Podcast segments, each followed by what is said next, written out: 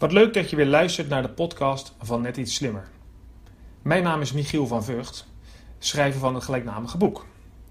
En ik krijg veel vragen van lezers die zich herkennen in het boek en die denken: ja, ik, ik, moet ook wel dingen veranderen, maar het is best wel lastig. Wat zijn de manieren uh, zodat ik mijn gewoontes kan veranderen? Want daar draait het vaak om. En daar ga ik vandaag iets langer bij stilstaan. Um, en ik begin graag met een voorbeeld, uh, van een mooi verhaal zelfs, van uh, Dave Brailsford. Dat is de fietscoach uit Engeland, die uh, de Engelse ploeg onder zijn hoede heeft gehad een aantal jaar. Hij werd eind jaren 90, begin 2000 aangesteld, toen de Engelse fietsbond er matig voor stond, om maar het eufemistisch uit te drukken.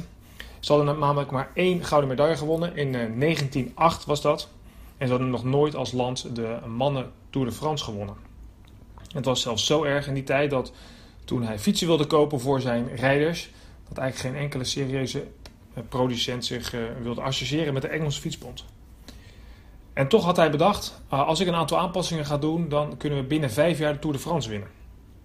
En zijn idee was uiteindelijk, we moeten alle kleine vooruitgangen die we kunnen maken samenvoegen. En dat leidt uiteindelijk tot een grote stap voorwaarts. Dus hij begon met de conventionele dingen, betere kleding, net iets betere fiets. Maar ging ook anders denken. Bijvoorbeeld, we gaan onze handen wassen, zodat we minder infecties krijgen. Uh, welk kussen is bij welke uh, coureur het beste, zodat hij beter kan slapen.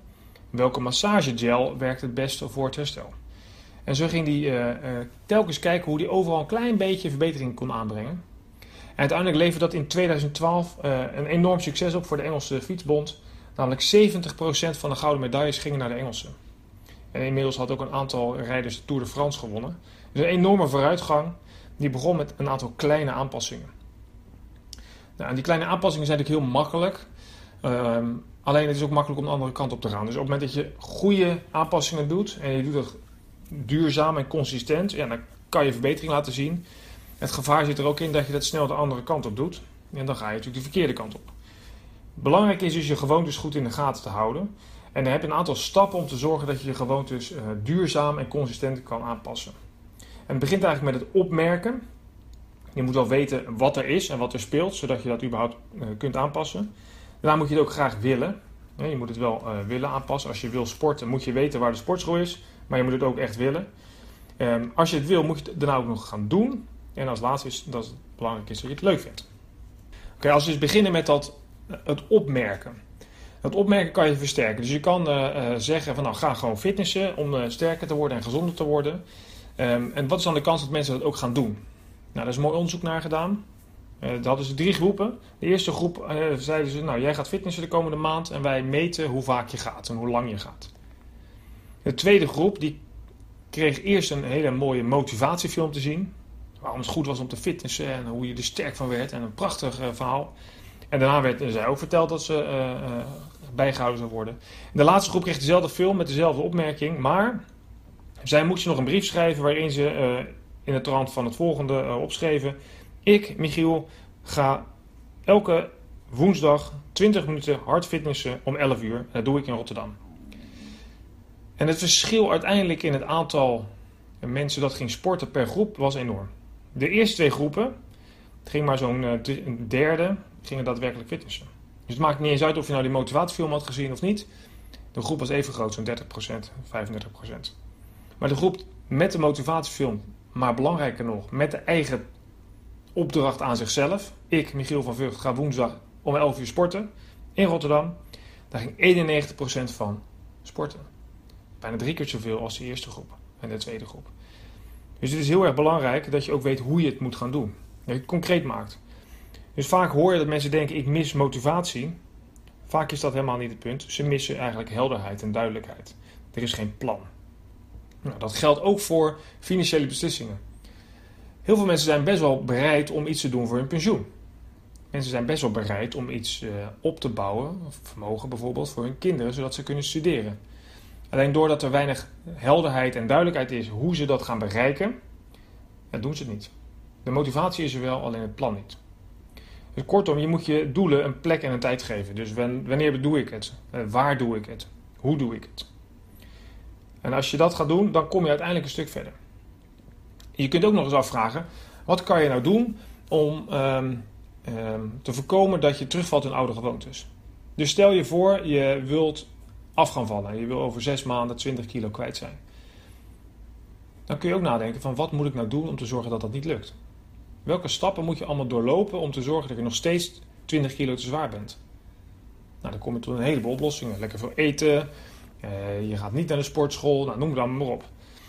Dus op die manier kan je ook al in beeld brengen wat zijn nou eigenlijk zaken die mij tegen kunnen houden. En je kunt misschien ook zeggen, ja, ik ga eigenlijk elke dinsdag wil ik gaan sporten, maar ja, ik heb een keer een ziek kind. Dan kan je ook een oplossing verzinnen. Stel dat. Stel dat ik op dinsdag niet kan, dan ga ik op woensdag. Dus je kunt oplossingen en regels verzinnen voor jezelf, zodat je uiteindelijk toch je gewoonte en je doelstelling uh, kunt bereiken en je gewoontes kunt aanpassen. Nadat je dan hebt opgemerkt wat je wil bereiken, moet je het ook echt willen. En je kan jezelf daarbij helpen door ook jezelf het makkelijker te maken. als jij de uh, minder tv wil kijken, maar jouw bank en je stoel staan allebei gericht op de televisie. En na een harde dag werken ga je zitten, dan kijk je met je, met je ogen naar een zwart scherm en dan zet je hem vanzelf aan. Je kunt ook zeggen, ik ga mijn stoelen en mijn bank omdraaien en ik leg een boek op tafel, waardoor ik meer genegen ben te gaan lezen. Of je legt je hardloopschoenen vast klaar, zodat je denkt, oh ja, ik zou gaan hardlopen. Dus de omgeving kan je ook veranderen en daardoor je eigen gewoontes veranderen of je, je instelling veranderen. In essentie betekent dat je je eigen gedrag dat je wil uh, zien, dat moet je zo makkelijk mogelijk maken.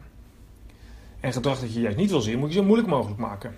Als je minder op je uh, Twitter of op Facebook wil zitten, zet dan de app in een mapje een paar pagina's van je homepagina op je telefoon. Zodat je je telefoon moet ontgrendelen, twee keer moet swipen, een mapje moet openen nog een keer moet swipen misschien en dan pas de Twitter of Facebook app kunt openen. Doordat je het zelf moeilijker maakt, eh, zul je zien dat je minder makkelijk in zo'n app zit. Dus slechte stappen of slechte gewoontes, daar moet je meer stappen tussen zetten en goede gewoontes moet je heel makkelijk maken. Nou, uiteindelijk zit er ook wel in het, uh, moet je ook wel eens nadenken of je je patroon niet kunt veranderen. In onze westerse wereld leren wij heel veel patronen aan. Het begint al bij mijn kinderen, die bij het stoplicht geleerd zijn te stoppen als het rood is. En als het groen wordt, kijk je eerst nog naar links, dan naar rechts, dan weer naar links, voordat je oversteekt. En mijn oudste zoontje begint nu te lezen op school. En het gaat met a, a, p, is aap. En zo leren we al een patroon te denken. Terwijl we eigenlijk ook zouden kunnen leren speedreaden. Dat je in één keer aap ziet staan en noot en nies tegelijkertijd erbij. Uiteindelijk eh, denken wij dus heel erg veel aan patronen en dat is allemaal goed. Alleen het remt ook wel de creativiteit. Het remt ook wel het verzinnen van oplossingen. Ik heb wel even een leuke test, een manier om te laten ervaren hoe we in patronen denken. Elk jaar in de zomer is in Londen het bijna heilig verklaarde tennistoernooi op Wimbledon. En elke zichzelf respecterende tennisser en tennister wil daar graag spelen en winnen. De geur van het gras, de witte kleding en de adel op de tribune zorgen voor een prachtige uitstraling. En ook in 2017 starten weer 128 spelers en 128 speelsters aan het enkelspeltoernooi. Nu de vraag. Hoeveel wedstrijden werden er in totaal gespeeld in het vrouwentoernooi? Tik, tak, tik, tak. De tijd is op. Heb jij het antwoord? Waarschijnlijk niet. Zoals de meeste overigens. En dit komt omdat je in vaste patronen denkt. Je begon, denk ik, met het beredeneren van het aantal winnaars van de eerste ronde. 128 spelers, 64 wedstrijden, dus 64 winnaars. De volgende ronde winnen dan 32 speelsters. En verder ben je niet gekomen, want toen was de tijd op. Je bent nog niet eens begonnen met het optellen van alle winnaars. Wist je dat dit ook slimmer kan? Beantwoord eens de volgende vraag. Hoeveel verliezers zijn er op Wimbledon aan het einde van een toernooi? Ja, precies, 127, want één speelster wint en de rest verliest. Zo makkelijk is het. Je snapt dat iedereen een keer moet verliezen behalve de winnaar. Het aantal verliezers is ook het aantal wedstrijden dat gespeeld is. De oplossing is dus anders doen, omgekeerd denken. Maar we zijn zo geprogrammeerd dat het erg lastig is. Maar het werkt vaak wel goed. Probeer dat dus ook in de situatie als jij iets in je leven wil veranderen. Zijn er patronen te wijzigen waardoor het voor mij makkelijker wordt? Hoe kan ik zorgen dat mijn gewoontes blijvender zijn door mijn gedachten aan te passen en mijn patroon te veranderen? Nou, belangrijk is ook om dit te doen. Uh, prachtig onderzoek laat dat zien dat doen, geen woorden, maar daden, ook daadwerkelijk effect heeft. Er was een professor in Florida en die uh, gaf een, een, opleiding fotografie. En die had zijn groep in het begin van het semester verdeeld in, tweeën. De ene groep die werd beoordeeld op de kwaliteit en de andere groep op kwantiteit. Dus die kwaliteit was, nou, je moet één hele goede foto aanleveren, daar word je beoordeeld. En kwantiteit was, als je de 100 aanlevert, krijg je een 10, heb je de 90, krijg je een 9, heb je de 80, heb je een 8, enzovoort. Aan het einde van het semester bleek dat de groep met de kwantiteit verreweg de beste foto's had. En hoe kwam dat nou? Ja, logisch eigenlijk. Ze hebben heel veel geoefend, ze hebben het heel vaak gedaan. je ziet dat zij steeds meer denken, hé, hey, dit is eigenlijk een goede compositie, die ga ik nog een keer doen. Hey, dit lichtval zo is best wel mooi, dit is aardig. Ga ik nog een keer doen. En langzaam maar zeker werd het steeds beter. Terwijl die groep die alleen maar op kwaliteit richtte, ja, die bleef maar focussen op de beste foto en maakte, hadden daardoor veel minder uren, veel minder herhalingen. En dus daardoor ook uiteindelijk minder kwaliteit. Nou, om dat doen ook te starten, ehm, is het ook wel, um, heb je een aantal mooie strategieën voor. En de een is uh, misschien wel de bekende 2 minuten regel. Dus zorg dat je je start zo makkelijk mogelijk maakt van hetgeen je wil gaan doen. Dus wil je gaan sporten, zorg dan dat je kleren makkelijk te vinden zijn, je schoenen klaarstaan, en dat je zo de deur uit kan. Dus dat de start van het sporten, dat sport duurt langer, maar dat je binnen twee minuten kunt starten. Wil je iets doen voor je pensioen of voor de studiepot van je kinderen? Zet dan automatisch in Casso op je rekening, zodat je elke maand geld overboekt. Dit kost je één keer twee minuten en daarna is de start goed en loopt dat altijd door.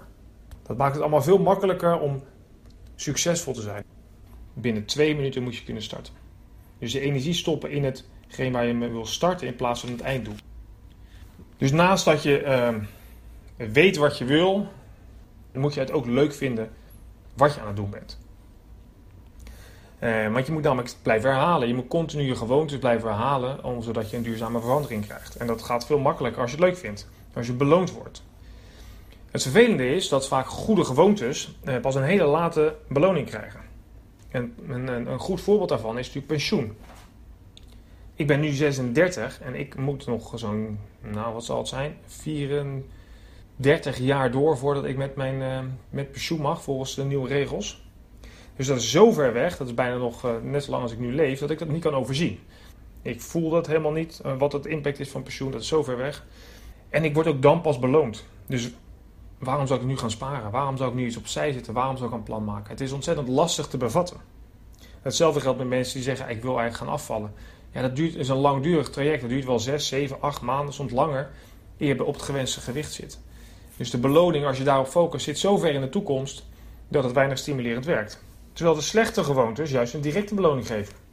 Kijk maar, als je uh, zegt ik wil eigenlijk afvallen, moet je geen snoep eten. Maar ja, als je snoep eet, heb je gelijk de sugar rush. En dan voel je je fantastisch bij eventjes. Ja, dat je later overgewicht hebt, ja, dat zie je dan pas weer. Dus daar wordt de beloning direct en de straf of de, het effect ervan is pas veel later. Het idee is dus om te zorgen dat je zaken die belangrijk zijn en die je goed wil doen, dat je daar ook een beloning voor krijgt. Hoewel de echte eindbeloning misschien pas in de toekomst ligt. Jerry Seinfeld, de bekende comedian, heeft daar een mooie strategie voor bedacht. Die gaf een keer een tip aan een startende comedian. Van, zorg dat je gewoon elke dag begint met grappen opschrijven. Doe het elke dag. En maak een mooi vel van 365 vakjes. En kruis elke dag aan dat je een, aantal nieuwe grappen hebt verzonnen. En geef niet op. Blijf kruisen. En uiteindelijk zal je steeds meer vakjes zien die gevuld zijn. Dat geeft een beter gevoel. Hij zei uiteindelijk in het Engels: Don't break the chain. Breek niet de ketting van de kruisjes. Laat het kruisje de beloning zijn. Dat je ziet: Oh, ik heb weer een stapje gezet. Ik heb weer een kruisje kunnen zetten. Als je daar nou voor jezelf nog een regel aan toevoegt: mis nooit twee kruisjes. Dus ja, dit kan best zijn dat je een keer niet, niet lekker voelt, dat je druk hebt, dat je wat anders te doen hebt. En dat het een keer niet uitkomt dat je een kruisje vergeet. Maar vergeet nooit twee kruisjes. Uiteindelijk wordt dat de beloning die uiteindelijk leidt naar een grotere beloning die je zoekt. En de gewoontes zijn uiteindelijk gewoon belangrijk. Die gaan zorgen dat je die verandering duurzaam houdt. En een, een mooi voorbeeld daarvan is het eh, schip van Theeshuis. Die kwam regelmatig terug in de haven van Athene. En elke keer als er weer een plank rot was, dan werd die plank vervangen. Of de mast werd een beetje bijgeschaafd, opnieuw vernist of helemaal vervangen. En uiteindelijk na 30, 40 jaar was dat schip compleet vervangen. Er was geen plank meer hetzelfde als in het begin. Het roer was anders, de mast was anders, de zeilen waren vervangen. En de filosofen vroegen zich eigenlijk af: is dit dezelfde boot? Of is het een hele nieuwe boot? En in essentie geldt niks anders voor jou als jij je gewoontes aanpast. Als je elke keer een klein beetje aanpassing doet, eh, de twee minuten regel gebruikt, de ketting van Seinfeld gebruikt, dan zul je zien dat je je gewoonte langzaam maar zeker verandert. En of jij dan een andere persoon wordt of niet, dat laat ik aan de filosofen. Alleen dit is wel de manier om te zorgen dat je vooruitkomt richting het doel dat je hebt gesteld. Want zo begint het. Je wil eerst eens even nagaan, hoe sta ik ervoor? Hou een pensioen als voorbeeld. Hoe staat mijn pensioenregeling? Heb ik wel inkomen als ik dadelijk kan stoppen met werken? Wanneer is dat eigenlijk? Dan is de vraag, wil je daar wat aan doen? En als je zegt, ik wil misschien financieel onafhankelijk worden en zelf bepalen wanneer ik werk, dan moet je ook wat gaan doen. En zorg dan tenslotte dat je dat ook leuk vindt. Dat je de momenten dat je je realiseert dat je voor jezelf bezig bent, dat je dat waardeert. Zodat je uiteindelijke beloning niet pas over 30 jaar komt of over 20 jaar, maar misschien nu al is. Het belangrijk is ook dat je uiteindelijk, de, doordat je gewoontes gaat inslijten, zul je je als een andere persoon gaan gedragen. En jezelf als een andere persoon gaan zien. Iemand die regelmatig schildert, gaat zichzelf zien als een schilder. Terwijl iemand die nu dan een keer een schilderijtje maakt of een tekeningetje doet, ziet zichzelf niet zo. Dus dat betekent dat langzaam je gewoonte aanpassen zorgt ervoor dat je jezelf als een andere persoon gaat zien en langzaam naar zeker gaat gedragen als een andere persoon. Nou, dat is heel belangrijk, een heleboel dingen eh, in het leven. En als het mij, wat mij betreft gaat ook voor je financiën. Geld is in onze maatschappij nog steeds van groot belang, met name om te kunnen doen wat jij wil. Als je genoeg geld hebt of genoeg financiële rust hebt, dan kun je doen wat je wilt. Dat kan zijn minder werken, want meer tijd voor je kinderen. Of vaker op vakantie. Of eh, mensen helpen omdat je wat meer geld hebt dan een ander. Alleen geld is daar wel een belangrijk middel voor. Je gedrag zit vaak goede beslissingen in de weg. Uh, en een van de manieren om te zorgen dat je beter om kunt gaan is het maken van een plan.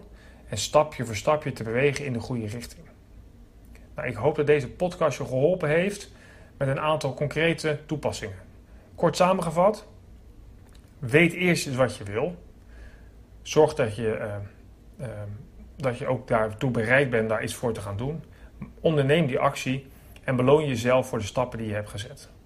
Je kan dan de 2 minuten regel gebruiken om makkelijk te kunnen beginnen. Dus als je wil gaan sporten, uh, maak het makkelijk. Als je wil je, je pensioengoed wil regelen, zorg dat je makkelijker geld kan overboeken.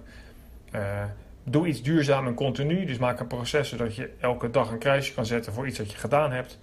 En zo langzaam maar zeker kun je nieuwe gewoontes insluiten die uiteindelijk helpen bij denk, een beter leven. Het kan klein zijn, maar alle kleine stukjes helpen. Uiteindelijk zie je dat de Engelse fietsbond 70% van de medailles ophaalt, waar ze tien jaar daarvoor nog bijna helemaal niks hadden. Als zij dat kunnen, kan jij dat zeker ook. Dankjewel voor het luisteren en ik kijk eh, uit naar de volgende podcast. De gast is inmiddels geboekt, dus ik verwacht over een week of drie een nieuwe podcast te plaatsen, zo eind september. Dankjewel voor het luisteren. Voor meer informatie verwijs ik je graag naar Michiel van Vught, vugt.com.